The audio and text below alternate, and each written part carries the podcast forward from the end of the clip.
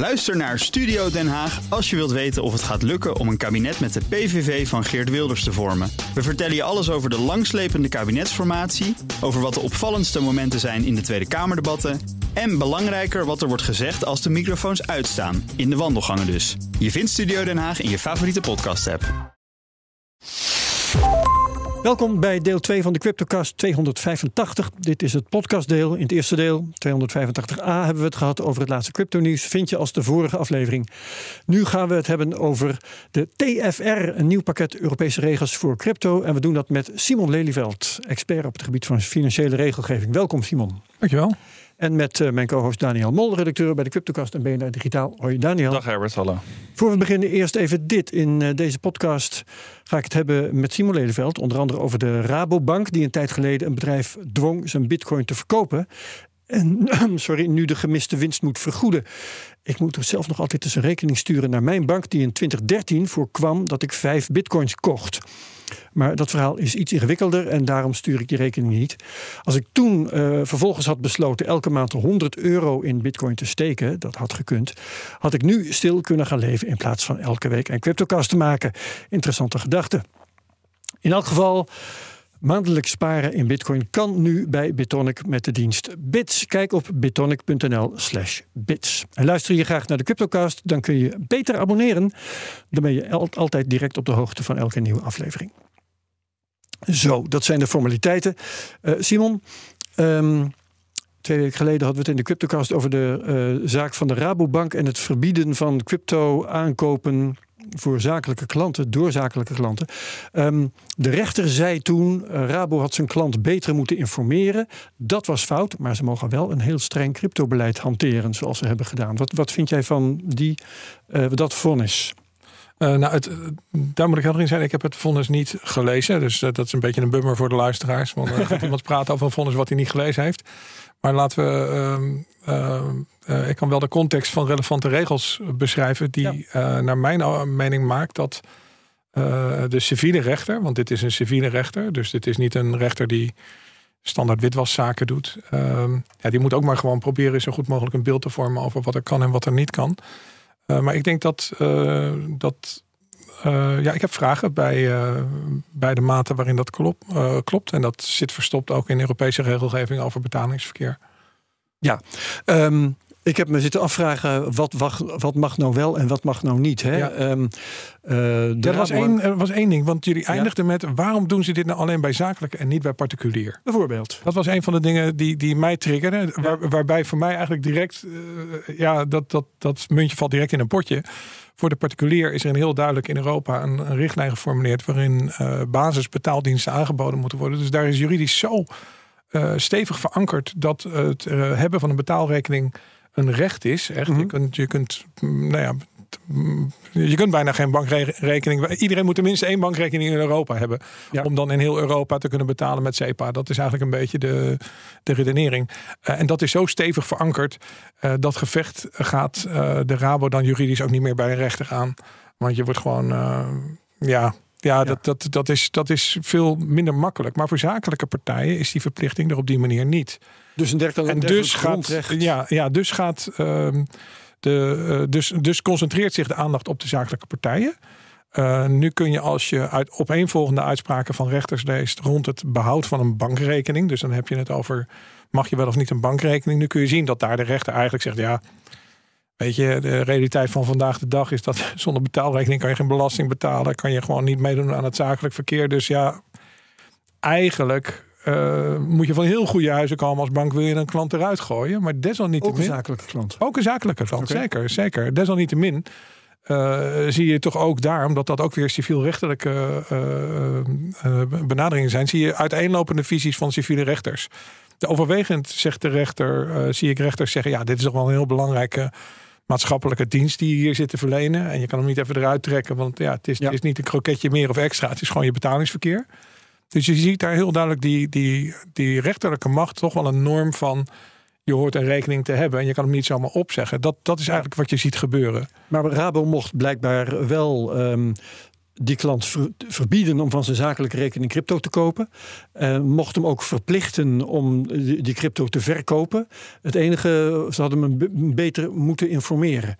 Um, maar stel nou dat diezelfde klant zijn crypto had gekocht van een andere rekening, niet van een Rabo-rekening. Had de Rabo, als ze daarachter kwamen, dan toch die klant kunnen dwingen zijn crypto van de hand te doen? En dat, dat, dat, nou ja, precies, dat, dat, dat zijn hele uh, fascinerende vragen. En het, het, belangrijkste daarin is om uh, onderscheid te maken tussen, uh, zeg maar, ten eerste het, het feit dat je een betaalrekening krijgt, ja of nee. Ja. En ten tweede is, als je hem dan hebt, wat mag je dan vervolgens met die betaalrekening? Dat zijn twee verschillende mag de dingen. Mag zich ermee bemoeien waar je geld aan uitgeeft? Dat vind ik een hele belangrijke vraag. Ja, en, en wat we zien is eigenlijk dat tot nog toe een soort binaire discussie een beetje lijkt te zijn van je doet iets met crypto wegwezen. Uh, en dat we nu in een wat grijzer gebied terechtkomen van nou ja, je mag wel hier blijven, maar je mag niet betalen naar, naar cryptobedrijven, zeg maar. Dus, dus je ziet dat de, de, de druk van de, de, de witwasmaatregelen. Uh, de, de, het, het besef is ingedaald bij een hoop spelers dat je, je kan niet categorisch zeggen het is te hoog risico, dus we doen het even niet en ik gooi je eruit.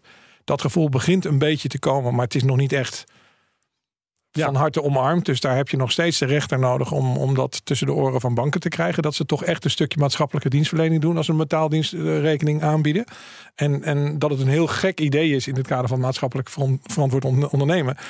Dat je uit puur enthousiasme zeg maar, mensen allemaal dingen gaat verbieden en zegt jij mag niet deelnemen aan economisch verkeer of naar eigen inzicht economische transacties doen. Want je interfereert met het recht op eigendom. Maar is het dan zo simpel dat banken gewoon, in dit geval dan de Rabobank, maar eigenlijk doen volgens mij alle banken dit nu in Nederland, dat zij de afweging maken, joh, uh, dit kleine stukje crypto, wat we dan voor zakelijke klanten eventueel kunnen regelen, dat brengt zoveel risico's met zich mee, het levert niet genoeg op, dat willen we gewoon niet. Is dat dan de afweging die gemaakt wordt? Uh, nou, ik, ik, kan daar niet intreden. Wat ik heb gedaan in het kader van, van deze eh, sessie is de voorwaarden van de Rabobank erop nageslagen. Ja. Want ik bedoel, daar, daar begint, daar staat en valt het mee. Ja. En daar staat iets in wat in mijn ogen ja, niet kan en wat ik niet kan plaatsen. Wat ik prima kan plaatsen als je bang bent voor boete boetes, maar niet kan plaatsen als je het hebt over Europees betalingsverkeer. En ik, ik moet hem er even bijpakken. Um, want er staat eigenlijk de Rabobank bepaalt waar jij je geld heen stuurt, ja of nee.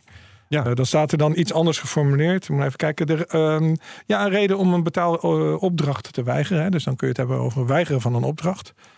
Um, de Rabobank is van mening of vermoedt dat de betaalopdracht in strijd is met de regels die gelden binnen Rabobank of de Rabobank groep. Nou, dan kun je vervolgens discussie hebben. Zijn die regels wel of niet bekend? Zijn ze gepubliceerd? Dat was in die zaak aan de orde. Ja, ze waren gepubliceerd. Allemaal hartstikke leuk dat ze gepubliceerd zijn.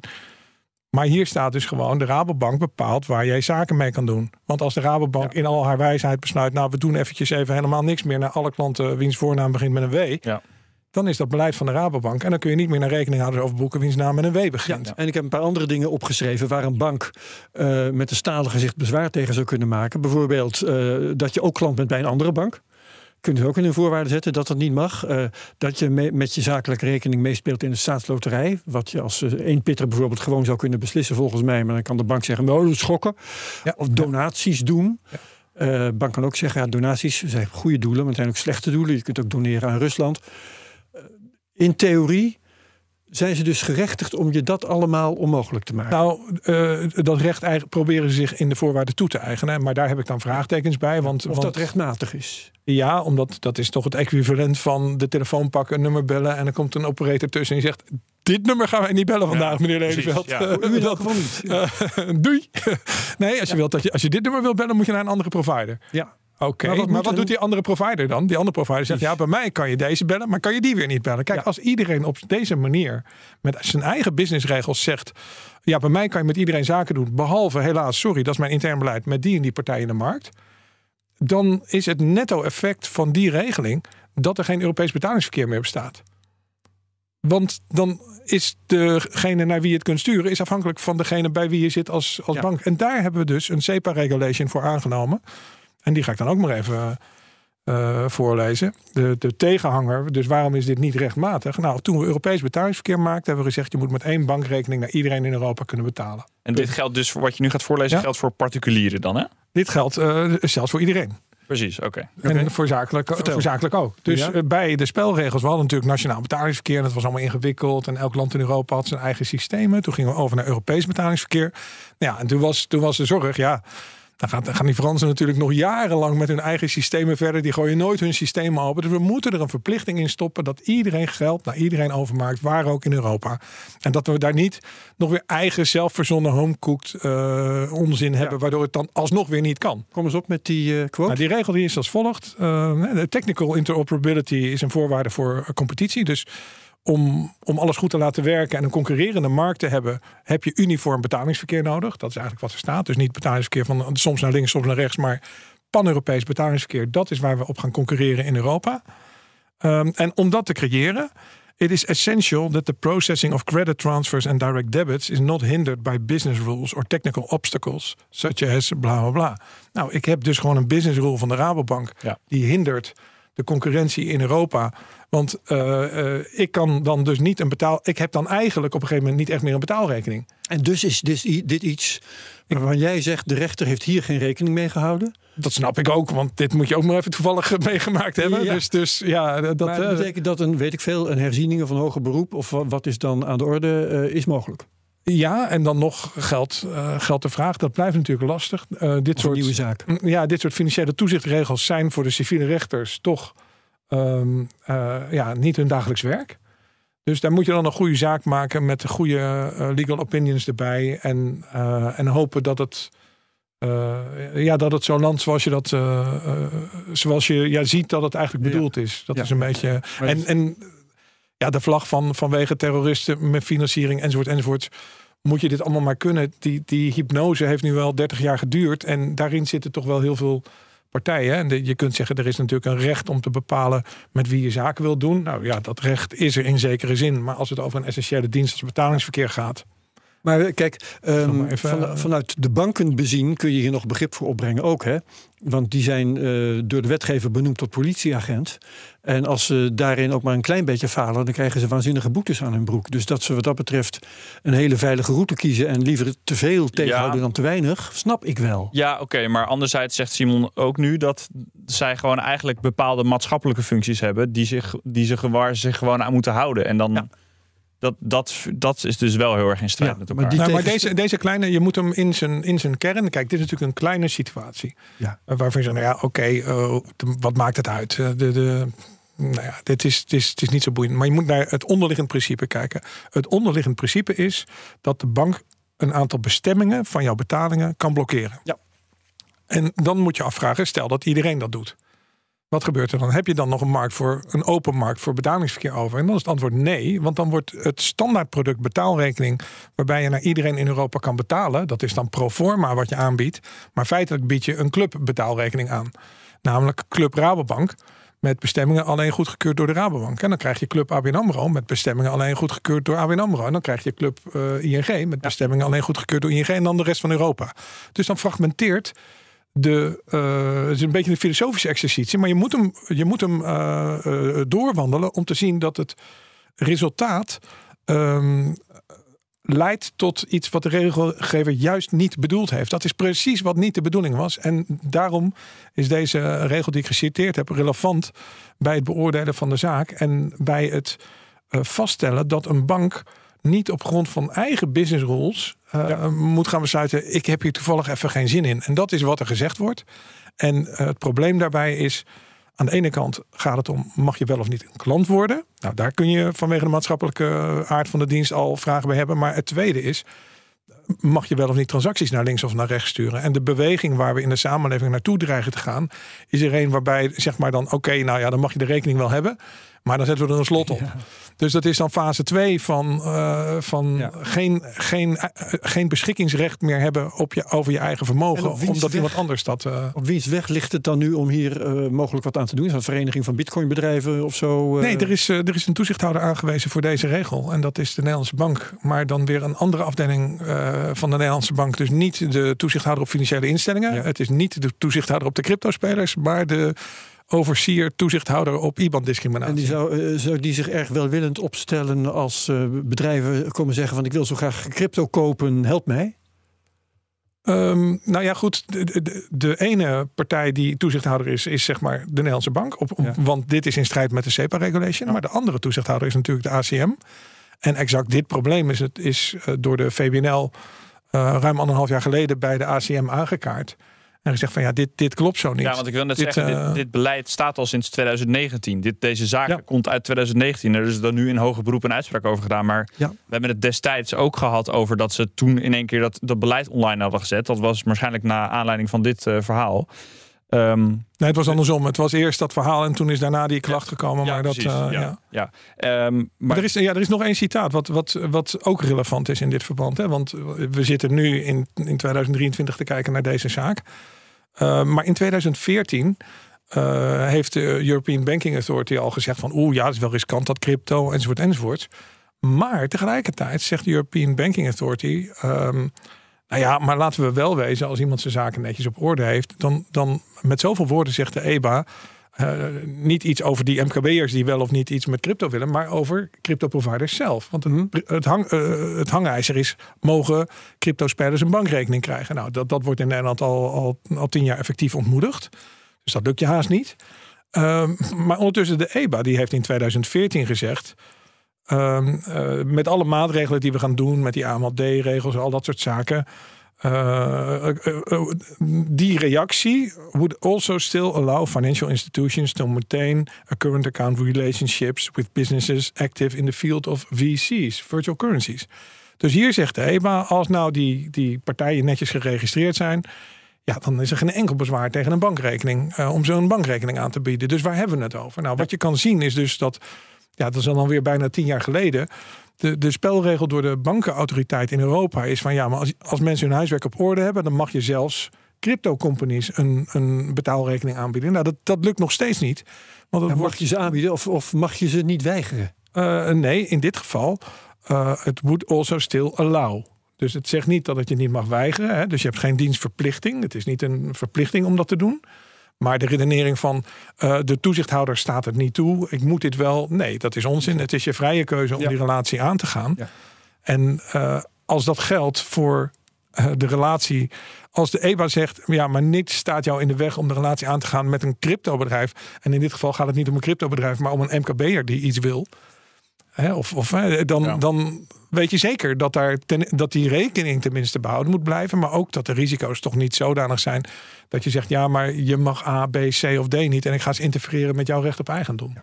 Goed, dus in elk geval loopt die zaak van de VBNL uh, nog tegen voorbij de ACM. Nee, dat, dat status daarvan die hangt in de lucht volgens mij. Daar ja, hebben we verder nooit meer, uh, nooit meer iets over gehoord. Dus daar, daar, heb ik niet zo, daar weet ik niet oh, de actuele informatie nou, over. Dan gaan we daar nog eens een keer achteraan. Dus dat, dat, uh, daar kan ik niet zo heel veel over zeggen. Behalve dan dat, dat het, het fundamentele probleem. Je hebt in feite twee toezichthouders. DNB die op grond van de CEPA-regulation iets kan vinden. ACM die uh, uh, met die klacht iets zou kunnen doen. Maar ja, ja. Maar als individueel bedrijf, um, ja, uh, is het schieten met een kanon op een mug waarschijnlijk om. Dan... Het is super moeilijk om dan bij de civiele rechter een rechter ja. te vinden. Kijk, er zijn ook sommige rechters die heel netjes zeggen van, nou ja. Uh, u vraagt allemaal dit soort vragen aan, uh, aan deze klant. Maar ik stel even voor de goede orde vast dat de klant onschuldig is tot hij schuldig is. En de manier waarop u te werk gaat is het omgekeerde. Dus zo gaan we dat niet doen. En u moet ook als, als bank zich rekenschap geven van het principe dat iemand onschuldig is in plaats van schuldig. Uh, hè, dat staat dan in het strafrecht, maar geldt ook voor jullie als banken. Zeg maar. dat, dat, dat zie je sommige rechters doen. En anderen gaan er weer aan voorbij en zeggen: ja, nee, natuurlijk moet je iedereen controleren. Dus het is, het is een rijk geschakeerd beeld wat je in dat civiel recht ziet. Uh, en ik word er natuurlijk warm. Nou, ik, ik, ik denk ook echt dat rechters daarin proberen elkaar te vinden en, en te coördineren en af te stemmen. Uh, maar ik word natuurlijk warmer van uitspraken die consistent zijn met het administratief bestuursrecht en de financiële toezichtregelgeving. Dan met rechters die zeggen van, oh ja, registratieplicht en een verbod op transacties. Nou, dat. Uh, kan wel. Uh, ja, nee, hoezo? Ja, waar staat dan? Waar staat dat verbod dan? Die dan, die dan doen alsof er geen verbod zou zijn op, op transacties. Ja, dat, dat, okay. daar zijn verschillende smaken in. Oké, okay. nou, daar, daar laten we het dan maar even bij. en we gaan het vrolijk hebben over de travel rule. Um, TFR. TFR. Leg uit wat het is. Um, nou is het interessante. Ik kan gaan uitleggen wat die Transfer Funds Regulation Rule is. Um, maar eerst denk ik dat het goed is om terug te kijken naar het Court of Justice. Want anders maar ga, dan. Ik, ga ik iets uitleggen van waar ik gewoon heel. Ik denk dat het de andere kant van de medaille, waar het te weinig over gaat, is dat we in Europa al heel lang een heel actieve Hof van Justitie hebben. die als een waakhond waakt over de privacy van burgers. Dus op het moment dat de telecombedrijven besloten. Nou, uh, uh, of de, de, de commissie besloot, we gaan alle telecomdata, de metadata van, van telefoontjes gaan we eens even bewaren en opslaan. En al dat soort zaken. Dat is allemaal handig voor de, voor de, voor ja. de uh, strijd tegen criminaliteit en dergelijke. Dat is lang geleden. Ja. ja. klopt, is lang geleden.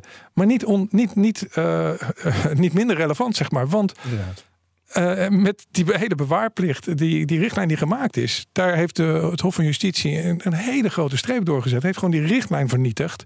Want die heeft gezegd, ja, dat kan niet. En dan heb je het dus niet over de inhoud van de gesprekken. Dan heb je het over metadata. Me wie belt wie? Ja, ja, ja. Wie belt dus wie, dus het, lang, het, niveau ja. van informatie wat je zou mogen bewaren en opslaan om. Uh, uh, ja, om, om binnen een rechtmatige context, ja, dat, dat ja, zomaar een sleepnet ja. op de telecom is gewoon niet aan de orde. Daar is, is een streep door gezet. Een bewaarplicht voor financiële data, ja, hè? ja zeker, want ja. die travel rule betekent dat ook als het dan in een verdachte transactie komt, dat je nog twaalf jaar moet bewaren. Kun je wel gelijk ophouden.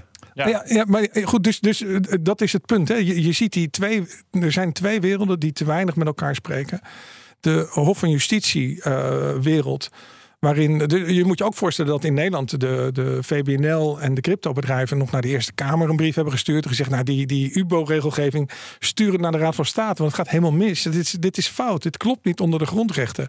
Toen is Hoekstra dat volgens mij een beetje onder... Uh, er is een brief gestuurd over, over deze travel rule, waar we het dan straks over gaan hebben. Maar de, de, terug naar die, uh, die bewaarplicht. Op um, uh, halverwege vorig jaar is rond uh, passagiersgegevens. Dus hoeveel passagiersgegevens mag je opslaan om te controleren of iemand wel of niet uh, Europa binnen mag komen. Ja. En welke gegevens zijn dat? En mag je dat rondsturen? En, en hoe ga je daarmee om? Nou, heeft het Hof van Justitie ook een vrij vergaande uitspraak gedaan. Want het idee was een sleepnet, alle vluchten in Europa, buiten Europa. En dus even lekker alle informatie rondjoelen. Want dat is lekker makkelijk. Hè? Daar hoef je niet na te denken. Nee, zegt het Hof van Justitie, wacht even binnen Europa is het sowieso zinloos. Want ze zijn al in Europa. Dus waarom zouden we binnen Europa al die informatie rondslingen? Dat is qua dataminimalisatie gewoon nergens voor nodig. En ja, hoezo alle vluchten? Dit allemaal op grond van de, um, de... Uh, grondrechten van de mens, uh, de, de, de, de uh, grondrechten op AVG, bescherming. Nee, niet de AVG. Niet de AVG. Nee, okay. iedereen slingert de hele tijd de AVG. Daar hebben we ja. de GDPR voor. Die, dat is leuk, maar die staat naast witwasregelgeving.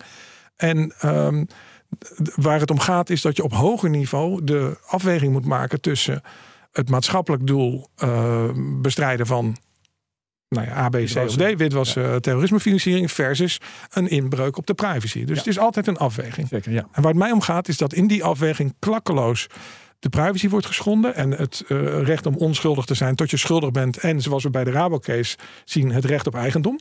Want je kan je geld niet meer bewegen, want de bank vindt er wat van. Dus er zijn drie fundamentele rechten in het geding in het verlengde van financiële regelgeving en, en anti-witwasregelgeving. Nou, die afweging valt in de standaard discussies in de politiek altijd uit, klakkeloos in het voordeel van de, van de criminele jagers, laten we het zo maar zeggen.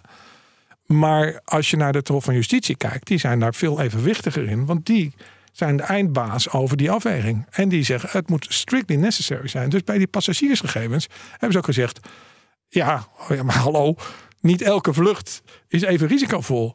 Je mag alleen de gegevens uh, doorgeven voor vluchten die daadwerkelijk een significant verhoogd risico op witwassen hebben. Of uh, in dit niet witwassen, maar op uh, het probleem wat geadresseerd moet worden. Ja. Dus ze hebben eigenlijk het sleepnet-idee van data rondsproeien, want is lekker handig, hebben ze eigenlijk gewoon een, een, een staak in het hart gestopt van de sleepnet-gedachte. En desalniettemin zie je in financiële regelgeving nog steeds dat sleepnet-idee. Maakt niet uit, we, we, we, we vegen alles van alle onschuldige burgers bij elkaar. Um, Want dit is volgens mij, dit speelt al 15 jaar bij bankverkeer, hè? Ja, dit, dus ja. Uh, als je teruggaat naar dan nu terug naar die. die hè, dus uh, de, de, er zijn nog. Uh, het Uber-register is het laatste ding wat, je, wat ik nog moet noemen van de Court of Justice. Er zijn nog heel veel meer uitspraken. Maar ga er maar even vanuit dat er een stuk of zes of zeven uitspraken zijn die eigenlijk allemaal op dezelfde manier lopen. En iedere keer zeggen ze. Je inbreuk op privacy en onschuldpresumptie moet evenredig zijn met het belang wat er gediend moet worden. En als het mogelijk is om het handiger en slimmer en proportioneler te doen, hoor je dat te doen. Dan heb ik straks de vraag: dus dat, uh, hoe krijgen we uh, die travel rule voor het uh, Europese Hof van Justitie? Maar eerst eventjes, wat is die travel rule? Okay, en dus wat, nu terug naar die travel rule. Wat voor data ja. hebben we het allemaal? Oké, okay, waar het in de bankaire sector 15 jaar geleden begon, was een verplichting. Uh, voortvloeiend uit internationale afspraken van de zogeheten Financial Action Task Force. Dat was kort na de aanslagen in New York. Um, stop de uh, naam en gegevens van de zender en de ontvanger van de betaling in het betaalbericht. En uh, ja, daar werd toen heel lacherig over gedaan in de bankaire sector. En dat is verder, ja, dat iedereen die zo'n beetje in die periode in die sector werkt, die weet ook ja, wat voor ridicule discussie dat was. Want dan, dan krijg je natuurlijk de vraag van hoe. Oké, dus we moeten dat gaan doen. Want we denken dat Open Laden een overboeking gaat doen. Ja. Dat is het, dat, uh, is dat het idee? Netjes doet en dan moet je zeggen, ja, ja, dat is het idee. Ja, maar dat, dat, dat gaat toch niet werken? Uh, hoezo doen we dit? Uh, nou ja, omdat het moet. Ja, maar hoezo doen we dit? Want het gaat nergens over. Uh, nou ja, toch maar. Uh, uh, het moet toch. Dus je ziet daar een geforceerde, ook toen al een geforceerde invoering van een maatregel die niet effectief is. Um, die wel verplicht tot het rondslingeren van data in de betalingsverkeerketen. Nou kun je zeggen, nou dat is een gereguleerde omgeving, dus dat is nog een beetje gecontroleerd. Je kunt ook zeggen dat is de periode dat het internet en breedband nog niet zo ver ontwikkeld was. Dus dat ze toen kozen voor die oplossing. Het achterliggende verhaal destijds was: ja, maar het is voor politieagenten wereldwijd zo lastig om een internationaal rechthandhavingsverzoek te doen om die data te krijgen. Dus de politieman in Venezuela die graag wil weten wie de, aan de andere kant van de, van de uh, overboeking in Nederland zat. Ja, die moet een hele ingewikkelde weg bewandelen. Dus hiermee vergemakkelijken we dat. Oké, dus de redenering praktisch was: we creëren een sluipweggetje. Waardoor de lokale politieagent niet naar Europa hoeft om netjes bij onze officier van justitie te vragen: mag ik even de data van jouw burger daar? Maar dat eventjes doet door in eigen land een lokale bank uh, onder druk te zetten en zeggen: hop, hier met die data. Dus dat is de sluiproute voor opsporing die daarin bewust toen gekozen is. En dat moesten we dan allemaal maar doen. Want wie is er tegen terrorismefinanciering? Ja, inderdaad. Nou, niemand toch? Ja. Nou, helder. Dus dat gaan we doen. Als je dan uh, kort na die aanslagen neemt. Uh, uh, de Amerikanen wachten ook niet op, uh, op een regelgeving om dit te doen. Binnen twee weken na die aanslag worden alle transacties van SWIFT door de FBI standaard gemonitord en leeggeplukt. En pas vijf jaar later komt dat, wordt dat bekend. En ontstaat er een hele grote politieke SWIFT-affaire over wat mag je wel of niet doen met internationale betaaldata. Dus daar is een hele hoop discussie over gaande. En nog steeds is de discussie. En toen is een oplossing, een soort plakroute gekozen van nou, al die internationale data. Ja. Daar doen we een plakverbandje omheen. Dat het dan toch wel geldig is, dat het mag. Die is dan weer aangevochten. Nou, dat staat nog steeds ja. op heel wankele basis. Want je slingert de privégegevens van alle Europeanen de hele wereld over. En dat is maar zeer de vraag of dat, of dat houdt. En dat land in allerlei landen waar je in het geheel niet weet hoe de rechtssystemen zijn, wat de effecten zijn van data disclosures in dat domein. Dus daar is nog wel het een en ander. Um, ja. Dus dat uh, functioneert intussen. Uh, 15 jaar naar behoren. in de zin, we doen het. van dien. Ja, ja, ja, En een maximum, of sorry, een minimum transactiegrootte van 1000 euro, als ik me niet vergis. Ja, daar, daar, zijn, daar zijn variaties in. En dat moet nu ook gaan gelden voor cryptotransacties en dan wel zonder dat maximum. Dat is toch het verhaal? Hè? Ja, nou, deze structuur wordt overgenomen voor de cryptosfeer onder het motto: ja, we doen helemaal hetzelfde voor crypto als financiële sector. Um, dus ja, dus jullie moeten dat ook doen. Dat is een goed idee, want de FATF vindt het ook een goed idee, die internationale organisatie die die aanbevelingen maakt. Uh, maar we nemen de regel in Europa over vanuit een internationaal forum, die Financial Action Task Force, zonder de vereiste proportionaliteitstoets, zoals het Hof van Justitie die hele tijd maakt. Dus het is alsof iemand uh, zegt, nou spring in de gracht. Oh ja, prima. Hoe, hoe, hoe ver moet ik erin springen? Ja. Niet van, nou, maar dat lijkt me niet handig, word nat. He, dus dus de, de, het, de gedachteloze karakter waarmee we doorgaan op een weg die bewezen ineffectief is.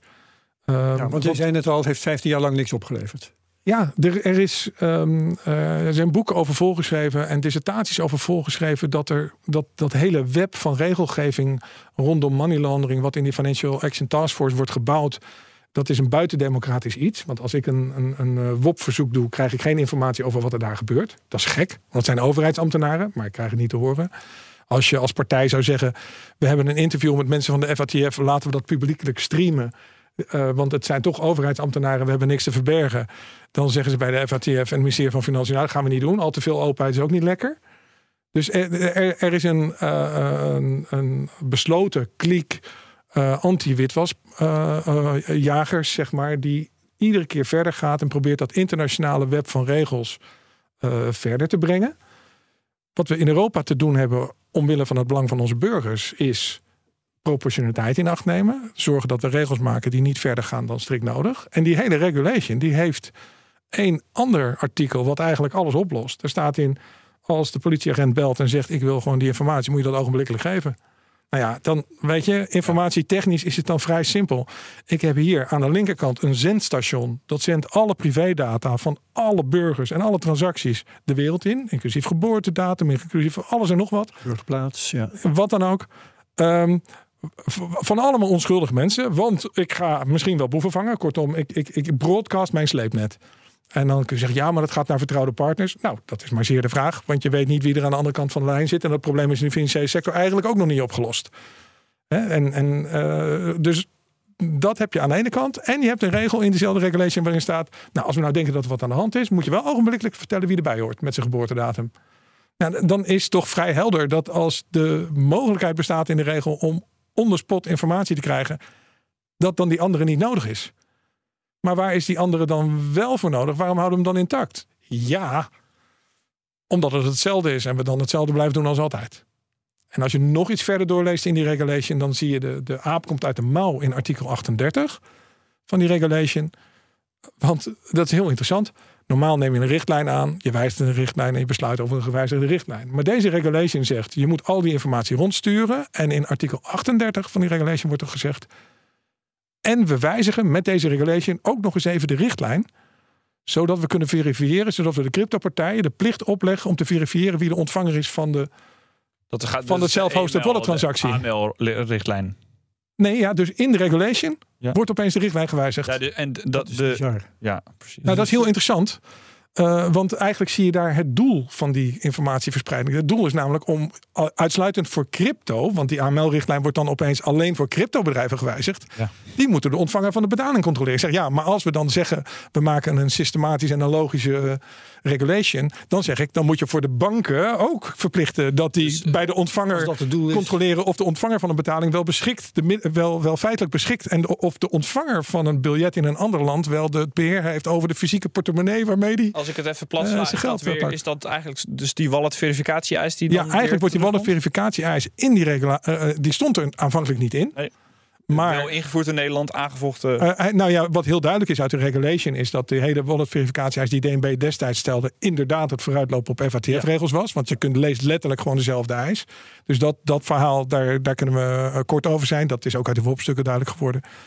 Um, maar de, de zogenaamd, we doen het, want het is voor andere sectoren ook zo. Dat wordt losgelaten waar het opeens betreft. Wat doe je dan met die gegevens? Want dan moet je. Er zitten wat, wat, wat angels in die, uh, in die uh, uh, formulering. Maar het komt er gewoon op neer dat er voor crypto een aantal extra maatregelen en controles moeten worden uitgevoerd. En deze travel rule helpt je dan die controles uit te voeren. Maar dat maakt nog steeds. Wallet verificatie die uh, in een rechtszaak in Nederland ja. uh, aangespannen door Betonic ooit.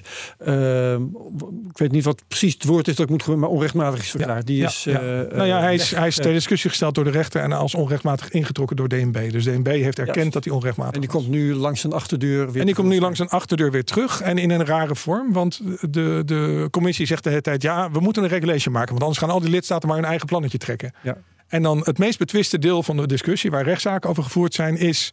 Uh, dat is dan ook weer zo grappig. De consultatie van de implementatiewet voor dat onderdeel, voor die wallet verificatie-eis, is op 14 juli begonnen. En inmiddels 11 augustus achter de rug. Dus de consultatietermijn is voorbij. Ja. ja, ik heb hem gemist in mijn vakantie. Ah. Dat was dan jammer. nee, ja, ja dat, dat, het is ook niet helemaal. Ja, dus ik maar gevraagd van kan die, mag die weer open? Hè? Eh, mag, mag, mag er een uh, in een vakantie vier weken? Dat is gewoon alsof je geen reactie wil hebben, zeg maar dat is wel, wel iets te. Dat is ook uh, voorstelbaar. Maar als ik even heel flauw, uh, dan zoomen, als we weer een beetje uitzoomen, als ik advocaat van de duivel speel, dan zou je kunnen zeggen: oké, die travel rule voor bankair verkeer, dat ben ik met je eens. Osama Bin Laden, die gaat niet uh, zomaar, die gaat geen banktransactie doen, die, die ga je er niet mee pakken. De cryptowereld is wel in die zin nog ietsje anders. Iets, misschien iets minder transparant. Dat, is, is dat dan geen argument? Nou nee, want, want los, los in bitcoin kunnen proberen, bedoel jij eigenlijk? Ja, en dat, dat is dan misschien niet minder transparant, zeg maar, maar uh, uh, Zcash of zo. Ja. Uh, Monero, ja. ja, dat, dat is toch. Nee, want je kunt allemaal afslagen nemen van wat ga je met die data doen, zeg maar. Maar feit blijft staan dat het broadcasten van alle data van onschuldige mensen niet nodig is. Ja. Uh, als je het ook per, per omgaande kunt krijgen. Dus Dus daar, uh, daar zit het, uh, daar zit het uh, daar, daar zit de pijn. Je hebt die, die, die rondzendverplichting helemaal niet nodig ik om dreigde, eventuele controles te doen. Ik dreigde net al mee, ik wil weten hoe je dit voor het Europees Hof van Justitie krijgt. ik zal een tip van de sluier oplichten, tenzij ik te snel ga, maar dan mm -hmm. het wel van jou. Jij gaat proberen hier wat aan te doen. Je gaat proberen ja, dit aan ja. te vechten. Leg uit. Nou, doorgaans heb je bij, eigenlijk wat er gebeurd is in de situatie in Nederland, is dat we hadden een richtlijn is omgezet in de wet. Dan gaat de toezichthouder ermee aan de slag. En dan krijg je een rechtszaak van de marktpartij, in dit geval Betonic. Die zegt dat klopt zo niet. En het probleem voor Betonic was als volgt. De toezichthouder zei, jij moet A, B, C en D. Je hebt het nu over de wallet verificatie. Ja, dit gaat dan over een, een, een specifieke eis wallet verificatie. Maar het, het, het kernprobleem is, je kunt geen goede keuze maken als wetgeving strijdig is. Nee, klopt. Het was of de AVG overtreden, omdat er gewoon geen juridische basis is of de witwasregelgeving overtreden en out of business zijn. Ja. Maar de regelgever had niet vooraf gezorgd voor een consistente toetsing op proportionaliteit en rechtmatigheid. Ja. En dat betekent dat je marktpartijen veroordeelt. Als je dit niet vooraf oplost, veroordeel je marktpartijen per definitie aan de voorkant tot het schenden van de een of de andere wet. Ja. En uh, je creëert een aansprakelijkheid ook voor, uh, voor, voor uh, onrechtmatige verwerking van persoonsgegevens. Ja, nou, het is gewoon. Eh, en daarom is het Hof van Justitie een, uh, een juiste entiteit. In, letterlijk overigens de General Court. Je hebt de General Court en dan in beroep kom je bij het Hof van Justitie. Maar dat is dus de, de lage in regelgeving. Okay, ja. Maar de, de hoeders van de constitutionele regels in Europa. Kijk, er is in Europa zijn er basisspelregels over waaraan moet Europese regelgeving voor doen. En proportionaliteit is er daar een van natuurlijk. Um, uh, en, en ook het niet inbreuk maken op rechten van op, fundamentele grondrechten en daarin een goede toetsing hebben. Legal clarity is ook een hele belangrijke. Ja, en de legal clarity, daar kan je nu al zien dat die, dat die er niet is. Want je hebt de travel rule die dan door regulation direct in werking is. Dan heb je een soort van wallet verificatieachtige eis die via een directive geïmplementeerd wordt en dus tot nationale afwijkingen leidt. Terwijl de hele regulation, het doel van de regulation was om te zorgen dat in Europa op dezelfde manier gebeurt. Dus wel bewust ga je een wallet verificatie eis alsnog via de nationale implementatieroute uh, doen. Dat is inwendig strijdig met de hele motivatie waarom het een regulation ja. zou moeten worden. Dus daar, je ziet, uh, en dan heb je nog in de nog niet afzijnde AML-regels van de commissie een hele discussie over. Maar wat moet er gebeuren met bewaartermijnen? Welke transacties vallen eronder? En hoe gaan we de proportionaliteit borgen van de data? Dus je hebt eigenlijk een, een stukje van de cake afgesneden. De totale cake is nog niet af. Maar in dat stukje van de cake zit, zit al een hele grote onlogica. Namelijk, stuur alle gegevens van, van onschuldige burgers de wereld rond. Ja. Terwijl, ja, terwijl het niet nodig is. wat ga jij nu doen? Nou, de, um, een Duitse jurist die wees mij erop. Die zei van kijk, normaal zit je altijd met richtlijnen. En dan moet je met een rechtszaak achteraf corrigeren. Maar je hebt kort na aanname van een regulation de mogelijkheid om die direct naar het Hof van Justitie te brengen. Is dat niet een idee? Dus om de wetgeving zelf te laten beoordelen. Eigenlijk, wat we in Nederland niet hebben, constitutioneel hof. Een ja. rechter die de, de grondrechtelijkheid van een regel toetst. Dat bestaat op Europees niveau wel. En dat is niet een uh, zeg maar makkelijke procedure. Je moet aan flink wat eisen voldoen. Je moet je, je case goed en hard weten te maken. Maar op het punt van legal clarity en proportionaliteit. Ja, de, de, inhoudelijk uh, is, is vrij duidelijk dat het, uh, het ronde, rondzenden van data versus tegelijkertijd online beschikbaarheid op verzoek. Dat dat niet nodig is. Dus, Ja. dus aan die inhoudkant maak ik me niet te veel zorgen. De, de uitdaging is om deze route, die vrij nieuw is. Want, want de, ook de financiële sector is doorgaans gewend aan regulations en dan, of uh, directives, en dan daarna zie je het wel weer verder. Uh, dus dit, dit is in die zin een nieuwe, ja, een nieuwe route. En het is het logisch uitvloeisel van wat we in Nederland hebben gedaan. Toen in 2019 Hoekstra zei: Ik ga daar even bij die FATF die travel rule afspreken. Toen hebben de Nederlandse partijen een brief gestuurd en gezegd: Nou, dat is disproportioneel. Ja, prima als je iets afspreekt, maar geef ons niet die uitzendverplichting van privédata. Nou, zei Hoekstra in een brief terug, komt goed of wat dan ook. In ieder geval een of andere flutbrief van een strekking. Ja, maar het is nog geen regel. Het is een recommendation. Nee, het is FATF internationaal. over, Maak je zorgen over. Nee, het komt allemaal goed in Dat Europa. is dus uiteindelijk direct En overgenomen. nu is het de regulation geworden die één op één uh, de, de, internationale regels overneemt. Maar daar zitten dan nog wat tandjes bij, wat, wat, wat afzwaaiertjes, waarin het strenger geworden is. En ook minder risicogebaseerd. Terwijl de strekking van de uitspraak van de rechter bij Betonic was. Ja, maar hoe, hoe verhoudt zich dit tot het, tot het risicogebaseerde karakter? Uh, Ja. d- Je moet toch niet op alle slakken zout leggen voor al die voor alles, alles wat er in de wereld gebeurt, het absolutistisch karakter van een aantal van die eisen, creëert de massasurveillance schending. Ja. En dat conflict zit nog verborgen in deze regel. En dat is het conflict om bij het Hof van Justitie neer te leggen. Ja, en je bent niet helemaal gek, want de European Data Protection Board, ik kan het even niet vertalen, maar die hebben ook problemen met, met die TFR, toch? Dat is eh, Het is de Eh, Europese privacy ja, toezichthouder. de- het Comité voor woorden. Gegevensbescherming, zeg ik even. Als Ja, de, eh, als je daar naar kijkt, dan zie je de, de European Data Protection Board zie je in herhaalde brieven steeds prangender eh, de regelgevers in Europa wijzen op het belang van dataminimalisatie en, eh, en alles wat daarbij hoort. En proportionaliteit vooral. Hè. Dus, dus hoe proportioneel is het? Welk doel wil je nou precies bereiken met het rondsturen van al die gegevens en die hele vergaande controles? Eh, Is het proportioneel? Is het evenwichtig? Ehm, en ja, de, de, er staat in de impact assessment van de commissie staat. Ach ja, we hebben wel geen gegevens over of het effectief is. Maar het lijkt ons toch slim om deze maatregelen snel in te voeren. Zonder enige eh, toets. Ja, Mijn dat, vraag, eh, wat ga je nu precies doen, is volgens mij nog niet helemaal eh, Oh, sorry. Ja, eh, wat gaan we doen? Eh, nou, ik werd gebeld door de, door de jurist. Van zou je dat, dit, zou, je- dit zou je kunnen aanvechten? Ja. Dan dacht ik, ja, verhip. Dat is eigenlijk wel logisch. En hoe doe je dat? Ehm, dus ik heb eh, telefoon en eh, e-mail gepakt en ik ben een hele hoop partijen eh, gaan vragen van jongens, het lijkt alsof hier een window of opportunity is. Het is nog niet helemaal zeker, want we moeten nog een aantal legal checks doen en eh, eh, nou ja, de, de, de- inhoudelijk is het ook niet, niet makkelijk. En de tijdlijn is kort, want 23 augustus Ja. moet, de- moet de boel ingediend zijn. Of eind augustus, dat zijn we nog Ja, eh dus puntjes op die... eh, eh, ja. na eh, deze opname. Exact. Maar Ja. we, hebben, we hebben natuurlijk heel veel materiaal in Nederland over wat zich hier heeft afgespeeld. Eh, dus aan het materiaal ligt het niet. Ehm, dus we zijn nu in het Nederlandse domein aan het kijken naar een coalitie van partijen om ehm, hier tegen in bezwaar te gaan. En het is in, in zekere zin een, een setting waarin, ehm, eh, dus waarin we de funding aan de ene kant eh, zoeken. Dus Waar heb je geld voor nodig dan?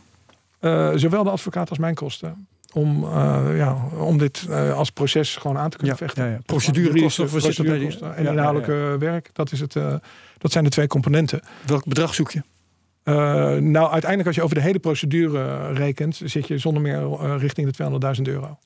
Oké, ja, ja, ja. Ehm, en het interessante is, ik had het idee... eh, toen ik het idee kreeg, had ik het eh, uitgezet op Twitter... en gezegd, hey mensen, we hebben een eh, window of opportunity. En eigenlijk direct daarna kwamen al verzoeken van... ja, eh, waar kan ik storten?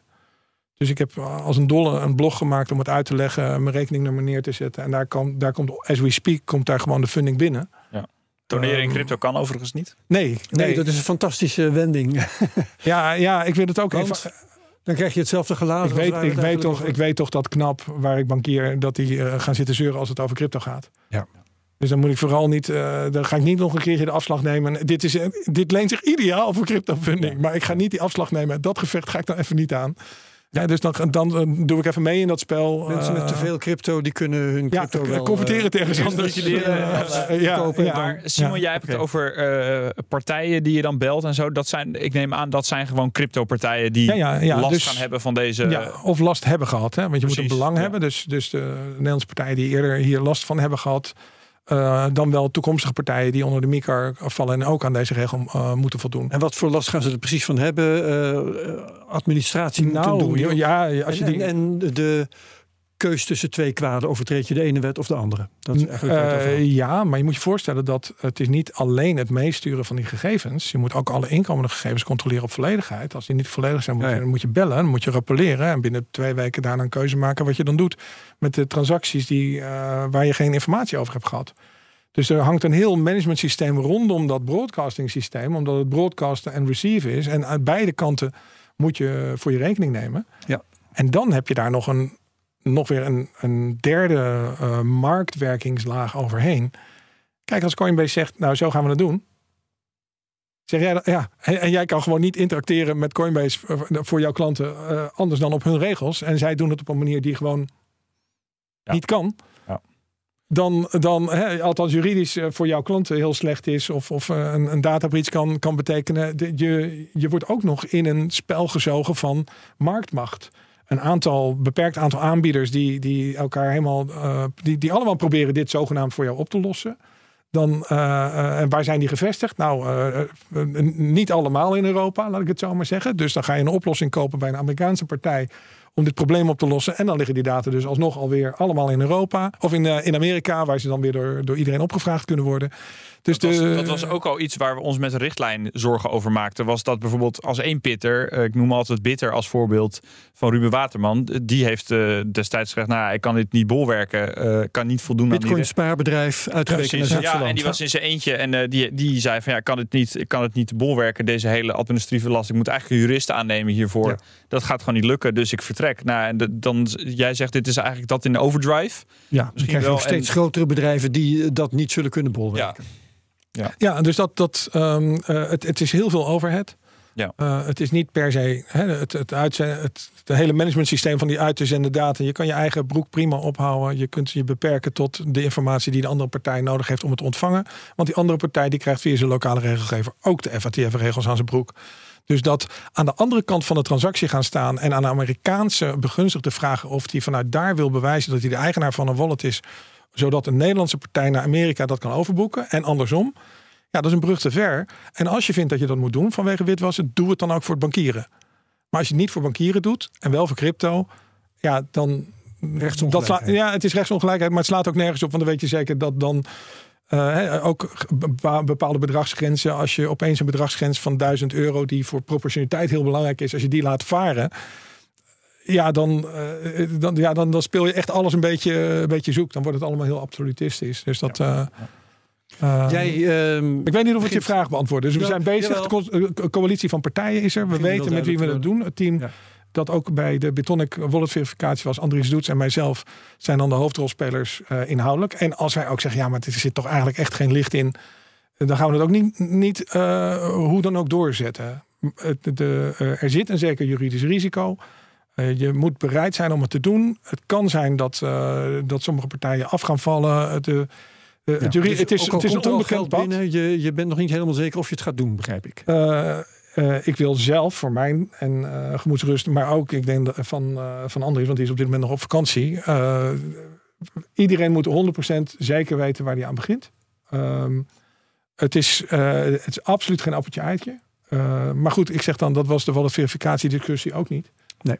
Uh, en dat is ook gelukt, ondanks alle tournures die daaruit gehaald zijn rond de ontvankelijkheid en dergelijke. Dus um, ja, ja, het is een moeilijke challenge korte tijdlijnen. Maar we hebben denk ik in Nederland de beste kaarten om, om dit succesvol te brengen. Maar voordat deze maand om is, augustus 2023, uh, moet het allemaal wel duidelijk zijn of uh, deze procedure wordt begonnen. Ja, dus ik, um, ik heb eigenlijk voor wat betreft funding de minste zorg. Ik denk dat dat wel goed komt. Als ik zie wat er, wat er de afgelopen week ongevraagd al binnenkwam. Uh, en ik combineer dat met nou ja, dit gesprek hier.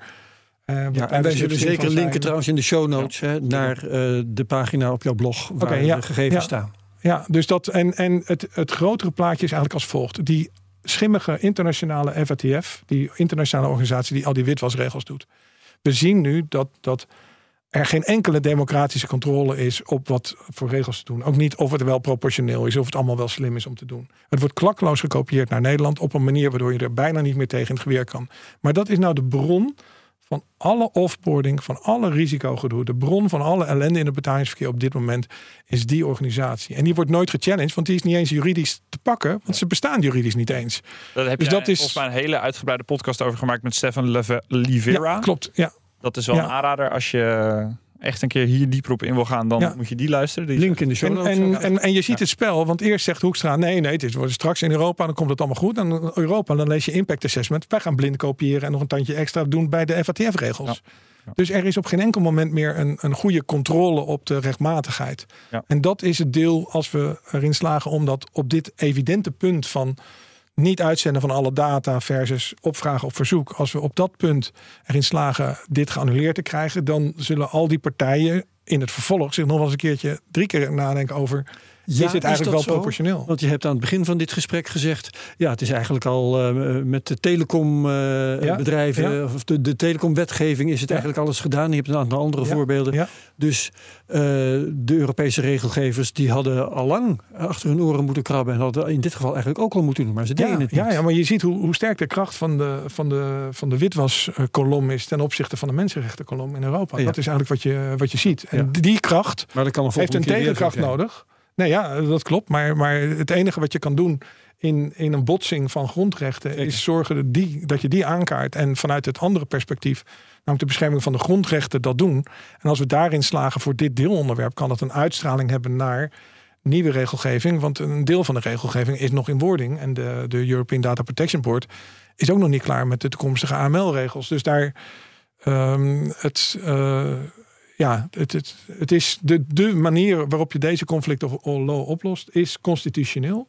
Laat maar de grens bepalen. Want nu zien we allemaal van die, van die tranen trekkende teksten. Yes, of course. eh, De, dit is allemaal proportional to the purpose enzovoort. Dus nu zie je in de overwegingen bij die regulations staan dat het allemaal heel proportioneel is. Want we willen natuurlijk geen inbreuk maken op de dataprotectie. Allemaal dat soort flauwekul. Ja, maar als je het dan leest, dan doet het iets heel anders. Dus, dus er wordt lippendienst bewezen aan de mensenrechten. En eh, dat moet eh, geen woorden maar daden worden. En daar heb je het constitutioneel hof eh, voor nodig. Ja, ik had allerlei vragen voorbereid, ook nog over. We zitten al redelijk aan de tijd, maar ik had allerlei vragen nog voorbereid over hoe dit überhaupt interacteert met crypto, wat een gebruiker er gaat, van gaat merken en zo. Nou, misschien hoeven we dat niet allemaal te behandelen, maar ik ben wel benieuwd hoe kunnen we nou deze richtlijn of dit idee misschien van, of deze, ik zeg richtlijn, ik bedoel regulation, ehm, die wel aansluit bij, eh, zeg maar, die wel proportioneel is, die wel de waarde heeft van, van crypto en blockchain misschien wel. Waar we, is dat überhaupt haalbaar? Is er- Nee, de- ja, daar, kan ik heel kort in zijn. Het is gewoon. eh, het is gewoon onzinnige regelgeving. ja, oké. Dit, dit, dit, dit is zo, zo diep doordrenkt van een jarenlange. Eh, er, er zijn ook studies eh, naar gedaan. Hè, van hoe kan het nou toch dat we al 30 jaar lang de FATF hebben. Maar dat er kennelijk toch nog steeds eh misdaadsyndicaten met de, met de bal vandoor gaan. Ja. En belastingparadijzen ontstaan, bestaan. We hebben alles geprobeerd 30 jaar lang. Met een soort van een hele klasse van wetenschappelijke theorie over experimental governmentalism. Namelijk hoe zet je een internationale organisatie op die eigenlijk niet legitiem is, niet democratisch. En toch regels neerzet die in alle landen ter wereld gaan gelden. En gaan ze daar dan wel gelden of niet? Hè? En, Ja. En, en ja, er zijn commentatoren die zeggen: ja, dit, weet je, het is een theater. We zijn het al 30 jaar aan het proberen. Het lukt al 30 jaar lang niet. Maar dit, dit, Aan het proberen om dat te verhinderen, om dat tegen te houden. eh, nou ja, om, om een doel te bereiken, maar de echte wil, die is er niet. Want Ja. uiteindelijk eh, kunnen er belangencoalities zijn die ertoe leiden dat, ja, dat, dat, ja, nou ja. Er- er is, daar is in ieder geval heel veel, heel veel over te zeggen. De vraag is dit wel effectief? Ehm, Als, als middel om terrorisme en. ja, ik denk, ik denk dat de, de kern van de zaak is... ministeries van Financiën moeten met een tengels van het wetboek van strafrecht afblijven. Ik denk dat dat de kern van de zaak is. Wat er gebeurd is, is dat de financiële regelgever op de stoel is gaan zitten van de strafrechtbewakers bij het ministerie van Justitie.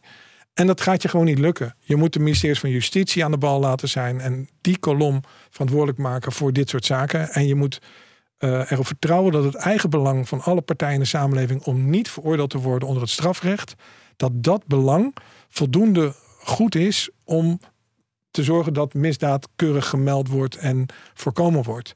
Maar een extra saus eroverheen. We proberen al 30 jaar lang dat op te lossen. Lukt niet. Gewoon nog hogere boetes erin. Lukt nog steeds. Gaat je ook niet lukken. Als je dat via de hele ingewikkelde route van financieel Dus toezicht. heb je volgens mij ook een keer wel eh, ergens geschreven in een blog op Twitter of zo. ehm, ja. Dat ehm witwas een secundair misdrijf is.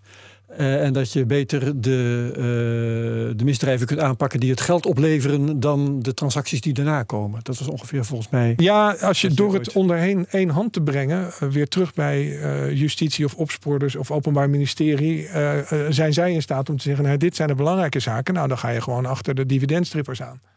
En dan ga je niet. Ik, ik, heb, ik, maak, ik blijf individuele cases krijgen, mensen die mij mailen, met, met iedere keer ban- banken die vragen hebben gesteld die zo treurig zijn. Dus dan iemand die medische zorg moet gaan inkopen. En dan bij een bank een rekening wordt geweigerd. Want u moet dan met een zorgaanbieder eh, zaken gaan doen. En die zorgaanbieders, ja, het merendeel is toch eigenlijk crimineel. Dus dan gaat u betrokken zijn bij witwassen. Dus we gaan u de rekening niet geven. Zorgaanbieders zijn crimineel. Nee, dat is de insinuatie. En daarom gaan we die rekening niet geven. Dank u wel, Rabo. Ja. Ja. Dit was Rabo. Daarom, ik, ik, ik, ik trek dat gewoon niet. Dat is de wereld waarin we, waarin we leven. We leven in een wereld waarin gezegd wordt: oh ja, de, de. Nee, alleen als sekswerkers de juiste vergunning hebben, dan mogen ze nog een betaalrekening en anders niet. oh ja, maar waarom maken banken zich opeens zorgen over vergunningen voor sekswerkers? Terwijl ze het ze niet interesseerde of Binance en, en Coinbase en Ide- Ideal konden gebruiken terwijl ze geen vergunning hadden. als ik nou kan tellen en een rekensommetje kan maken, dan denk ik dat er meer fraude via illegale uh, Coinbase en, en Binance is gegaan. Dan via die toevallig sekswerkers die jullie helemaal ziek spelen met, met het onmogelijk maken van betalingsverkeer. Dus we hebben die prioriteiten gewoon echt, uh, echt verkeerd. En, en dat beweegt me eigenlijk ook om uh, ja, op, op juridische wijze dit, dit aan te kaarten. Dit, die balans moet terug. En de juiste manier is dan met uh, ja, een rechtszaak bij het Constitutionele Hof. Of nou ja, in het geval van de Rabo een, een, een tuchtrechtactie onder de bankiersheid. Want ik, ik heb het wel even met dat laatste verhaal wat mij voorbij kwam, heb ik het wel even gehad. Oké. Okay. Dat is echt zo treurig. Een mooi slot uh, ja. van een, uh, een hartstochtelijk betoog, mag ik wel zeggen. Ja, ja gedreven, maar ik, ik, het, ik hoop wel dat het. Uh, je moet wel op de bal blijven letten. Hè? Dus ik ja. ben wel gedreven, maar en als er geen bal ligt, ga ik hem ook niet schoppen. Laat dat helder zijn. Oké. Okay. Goed. Uh, Simon Lelyveld, expert in financiële regelgeving. Als ik dat niet had gezegd, dan uh, was het nu dus ook wel duidelijk volgens mij dat je dat bent. Uh, bedankt voor dat betoog, voor je aanwezigheid hier zo in deze CryptoCast. Daniel Mol als co-host vandaag. Heel hartelijk dank. We gaan er een eind aan breien. Vergeet de CryptoCast niet te delen met je volgers op Twitter. Gebruik de mensen net CryptoCast.nl. Doe ook reviews op Apple Podcasts, dan zijn we beter te vinden. Like, subscribe en comment op YouTube. Je weet het allemaal. Uh, iedereen hartelijk dank en heel graag tot de volgende week bij de volgende CryptoCast.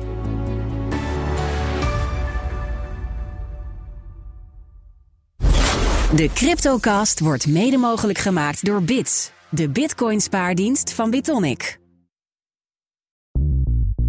Bij BNR ben je altijd als eerste op de hoogte van het laatste nieuws. Luister dagelijks live via internet. Bas van Werven. En heel langzaam komt de zon op rond dit tijdstip. Je krijgt inzicht in de dag die komt op BNR, het Binnenhof in Nederland en de rest van de wereld. De Ochtendspits. Voor de beste start van je werkdag. Blijf scherp en mis niets.